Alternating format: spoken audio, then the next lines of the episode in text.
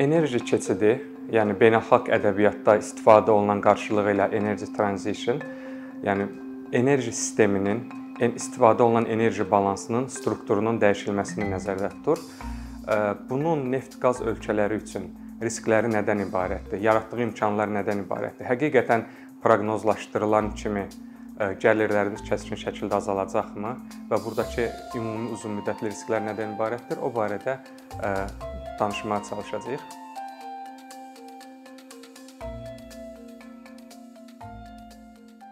Enerji keçidi bir anlayış olaraq enerji təchizatı sistemində istifadə olunan enerji növlərinin müəyyən birinin zamanla faizinin, payının azalması və ya artmağını özündə əhatə elətdirir. Dəqiq ölçülə bilən təsnifatı və ya definisiyanı bununla bağlı məşhur enerji mütəxəssisi, Çexiya əsilli Kanadada yaşayan məşhur enerji mütəxəssisi Vaslav Simil təqdim etmişdir. Vaslav Similin təqdimatına görə hər hansı bir enerji növündə enerji növünün enerji balansında payı 10 il ərzində 10% azalırsa və buna paralel olaraq digər enerji növlərinin payı artırsa, artıq biz enerji keçidindən danışa bilərik. Bu məsələnin, yəni enerji keçidinin motivləri tarixən fərqli olmuşdur. Hal-hazırda dünyada danışdığımız, müzakirə etdiyimiz dördüncü enerji keçididir. Yəni bu vaxta qədər 19-cu əsrdə təqribən bəzi tədqiqatçılara görə daha öncə ənənəvi biokütlə və odun kimi enerji mənbələrindən kömürə keçid olmuşdur. 20-ci əsrin ortalarından xüsusən kömürdən neftə keçid, ikinci enerji keçidi sürətlənmişdir. 70-80-ci illərdən neftdən təbii qaza keçid prosesi başlamışdır və son 10 illikdə də biz ciddi şəkildə hidrokarbon mənşəli fosil yanacaqlardan, yəni neft, qaz və kömürdən bərpa olunan və alternativ mənbələrə keçidi artıq müzakirə edirik. Yəni hal-hazırda müzakirə etdiyimiz enerji keçidi belə demək mümkünsə son 200 illik insanlıq tarixinin 4-cü enerji keçididir. Bəs bunun motivasiyaları nədən ibarətdir? Niyə bunlar baş verir? Burada təbii ki, effektivlik, yəni müəyyən bir enerji növündən istifadə etdikdən sonra daha effektivinin, daha optimalının və s-nin tapılması, texnoloji inkişaf, enerji təhlükəsizliyi, yəni mövcud enerji növünün inhisarçılarından qurtulmaq və yeni növə keçmək və o yeni növün yeni düzənindən istifadə etmək, yəni bütün bunlar bu enerji keçidlərinin, tarixdə yaşanan enerji keçidlərinin motivasiyalarıdır. Amma bu gün gəldiyimiz nöqtədə, bu gün gəldiyimiz yəni tarixi anda iqlim motivasiyası, yəni iqlim dəyişiklikləri və iqlim dəyişikliklərinə görə enerji keçidinin yaşanması motivasiyası hətta enerji təhlükəsizliyinin də önünə keçmişdir. Dolayısıyla bu gün dünyada alternativ və bərpa olunan enerjilərə keçidi müzakirə etməyimizin əsas səbəbi bir nömrəli motivasiyası iqlim dəyişiklikləridir ki, biz bunun nə qədər önəmli olduğunu hətta son günlər bölgədə, dünyada yaşanan yanğınlar, sel və daşqınlardan görürük. Yəni getdikcə dünyanın daha çox, daha sıx şəkildə gündəminə gəlir bu iqlim dəyişiklikləri və burada iqlim dəyişiklikləri üçün önəmli risk olan e, istixana effekti verdiyim verən e, e, atmosferi çirkləndirən qaz emissiyalarında önə çıxan karbon dioksidin önəmli mənbələrindən biri ya qeyd etdiyimiz hidrokarbon mənşəli enerji mənbələridir və bu baxımdan da həm də iqlim dəyişikliklərinə töhfə verməsi üçün bu yeni enerji keçidi və hidrokarbon mənşəli enerjidən e, imtina ön plana çıxır. Bəs bu gün bu enerji keçidində hansı nöqtədəyik? Baxdığımız zaman e, Vaslav Similin təqdim etdiyi o kriteriyadan, yəni 10 illik müddətdə hər hansı bir enerji növünün qlobal enerji istehlakında, ilkin enerji istehlakında payının 10% azalması kriteriyasından bir qədər uzağıq. Yəni konkret dünyada dominant olan enerji mənbəyi, enerji istehlakında neftdir və neftin ilkin qlobal enerji istehlakında payına baxdığımız zaman 2020-ci ilin nəticələrinə görə bu təqribən 31% edib. Pandemiyadan öncə 2019-cu ilin nəticələrinə baxdığımız zaman 33% edib. Yəni dünyada istehlak olunan enerjinin və yaxud da ilkin istehl enerji istehlakının, yəni enerji ümumi tələbin Bura həm son istehlakçılar tərəfindən istehlak daxildir, həm itkilər daxildir, həm ilkin tələb daxildir və s. Bütün bu toplam e, tələbin tam 3/1-ni neft verib. 10 e, il öncə baxdığımız zaman isə görürük ki, yenə eyni faizdir. Yəni 2010-cu ilə baxdığımız zaman görürük ki, neftin payı yenə də 34% olub. Yəni 10 illik müddətdə sanki neftin payında ciddi şəkildə azalma baş verməyib. Yenə deyirəm, Vaslav Smil kriteriyasına görə 20 illik periodda baxırıq. 2000-ci illə müqayisə etdikdə isə görürük ki, 2000-ci ildə 40%-ə yaxın olub və hal-hazırda 31%-ə çatdığı nöqtədə 2020-ci ilin nəticələrinə görə təqribən 10%-ə yaxın, daha doğrusu 10% bəndinə yaxın bir azalmadan danışa bilərik. Amma 2020-ci ilin nəticələrini götürmək, yəni analitik baxımdan bir qədər mübahisəlidir. Çünki 2020-ci ildə neftə olan tələbin azalması normal bir azalma deyildi. Yəni sənayedəki texnoloji dəyişikliklərlə, struktur dəyişikliklərlə ortaya çıxan tələb azalması deyildi. Daha çox pandemiyanın nəticəsi olaraq Yəni kəskin şəkildə iqtisadi aktivliyin azalması, nəqliyyatın hərəkətinin azalması nəticəsində ortaya çıxan bir azalma idi. Amma istənilən halda burada bir 20 e, illik intervalda bir azalma görürük. Maraqlı bir tendensiyanı bərpa olunan enerji mənbələrinin e, qlobal ilkin enerji istehlakında payına baxanda görürük. Burada 2010-cu illə yenə 2020-ci ili müqayisə edəndə bir 10 illik müddəti bərpa olunan enerji mənbələrinin payının 2%-dən 6%-ə qədər yüksəldiyini görürük. Bu proses, bu enerji keçidinin özü ağrısız bir proses deyil, asan bir proses deyil, vaxt alan bir prosesdir. Tarixdə məsələn daha öncə qeyd etdiyim enerji keçidləri e, deyək ki, biomənşəli enerjidən kömürə, kömürdən neftə, neftdən qaza e, daha uzun müddətli zaman alıb. Hal-hazırda bunun daha qısa ola biləcəyi ilə bağlı proqnozlar var. Bunu da şərtləndirən təməl məsələ texnoloji inkişaf, innovasiyalar məsələsidir. Amma buna rəğmən bu enerji keçidinin öz riskləri var. Yəni bunlara da mütləq baxmaq lazımdır. Birincisi, hər bir enerji keçidi, yeni bir texnologiyaların tətbiqi, yeni bir enerji növünün tətbiqi müəyyən bir əlavə maliyyə, əlavə bir e, investisiya tələb edir. Yəni bu maliyyələşməni kim həyata keçirəcək?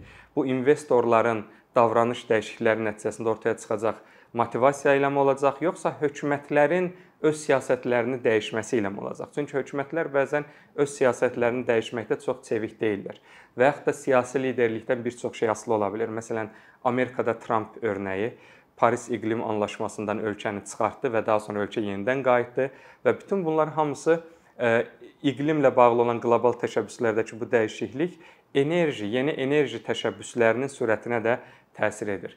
Və yaxud da yeni enerji növlərinin tətbiqi ilə bağlı bir çox inkişaf etməkdə olan ölkələr sanki hələ indi ikinci enerji keçidini yaşayırlar. Yəni ə, kömürün payının azaldılması, neftin və daha sonra təbii qazın payının artırılması ilə bağlı indi hal-hazırda o mərhələdədirlər. O ölkələr tarixdə bizim bildiyimiz enerji ardıcıllığı ilə mi gedəcəklər? Yəni hal-hazırda enerji balansında kömürün payı yüksək olan ölkələr, yəni e, kömür o enerji mənbəyidir ki, e, sadaladıqlarım içərisində ətraf mühitə təsir baxımından ən çirkli hesab olunur. Onlar e, tarixdə bilinən ardıcıllıqla mı gedəcəklər? Yəni kömürdən neftə, neftdən qaza, qazdan bərpa olunan enerjiyə, yoxsa ədəbiyyatda leapfrog effekt deyilən, yəni bir qurbağa sıçrayışı ilə birbaşa kömürdənmi bərpa olunan enerjiyə keçəcəklər? Bu böyük bir sualdır. Burada ən önəmli məsələlərdən biri dünya iqtisadiyyatının və enerji tələbinin drayverləri olan, lokomotivi olan iki böyük ölkədən gedir, Çin və Hindistandan. Hər iki ölkədə ilkin enerji istehlakında kömürün payı 56%-dir. Bu da maraqlı təsadüfdür ki, iki fərqli ölkə, rəqib ölkə, amma kömürdən asıllıq faizləri eynidir. 56%dir. Yəni bu ölkələrin hər birinin ciddi şəkildə alternativ enerji planları var, strategiyaları var, o cümlədən Çinin, amma bu hansı templə həyata keçiriləcək və yaxud da alternativ enerji bərpa olunan enerjinin mənbələrindən istifadə, bunlardan ə, e, nəqliyyatda istifadə, deyək ki, elektriklə çalışan avtomobillərin geniş yayılması və s.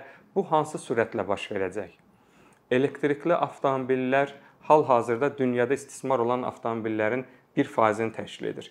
Bunun sadəcə 2030-cu ildən sonra 10% keçə biləcəyi ilə bağlı proqnozlar var. Bu həmin ardıcıllıqla baş verəcək, yoxsa burada bir texnoloji tətbiqin sürətlənməsi mi baş verəcək? Çünki tarixdə daha öncəki örnəklərə baxdığımız zaman yeni texnologiyaların tətbiqi də, yəni enerjinin optimallaşması baxımından qısa müddətdə olmayıb. Bu gün elektrikli avtomobillərdə istifadə olunan litium batareyaları 70-ci illərdən kəşf olunub, bilinir, amma onların real tətbiqi 2000-ci illərdə başladı, yəni 30 ildən sonra. bu gün də ortaya çıxa biləcək enerji effektivliyi texnologiyaları, innovasiyaları hansı sürətlə tətbiq olunacaq? Bu başqa bir risk və qeyri-müəyyənlik məsələsidir. Və yaxud da alternativ enerjidən, bərpa olunan enerjidən istifadə bir çox nadir tapılan metallara tələb artırır. Buna ədəbiyyatda rare earth metals deyilir. Yəni nadir tapılan yer kürəsinin səthində nadir tapılan metallar. Bunlardan bunların tə, tə, təchizatı nə cür olacaq? Burada hansı ölkələr ön plana çıxacaqlar?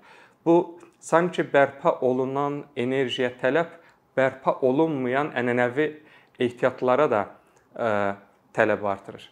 Və bunlar hamısı bu qeyri-müəyyənlikləri təşkil edir, amma bütün bu qeyri-müəyyənliklərə rəğmən bayaq dediyim rəqəmlər də göstərir ki, bəlli bir proses başlayıb, bərpa olunan enerji mənbələrinin faizi artır.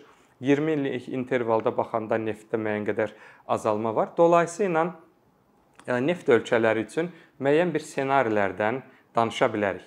Burada bərpa olunan enerji mənbələrindən istifadənin neft ölkələri üçün fəsad baxımından əsas transmissiya kanalı, yəni təsir kanalı neft gəlirlərinin azalması və neft qiymətlərinin azalması ilə bunun baş verməsi üzərinə. Dolayısıyla bir çox proqnozlar bu 10 illikdə bəlkə olmasa da 2030-cu ildən sonra üçün neft qiymətlərində və neft gəlirlərində kəskin azalmalar nəzərdə tutulur. Neft ölkələri üçün önə çıxan birinci ssenari bütün bu qiymət azalmalarına baxmayaraq hasilatı yüksək səviyyədə saxlamaq ssenarisidir.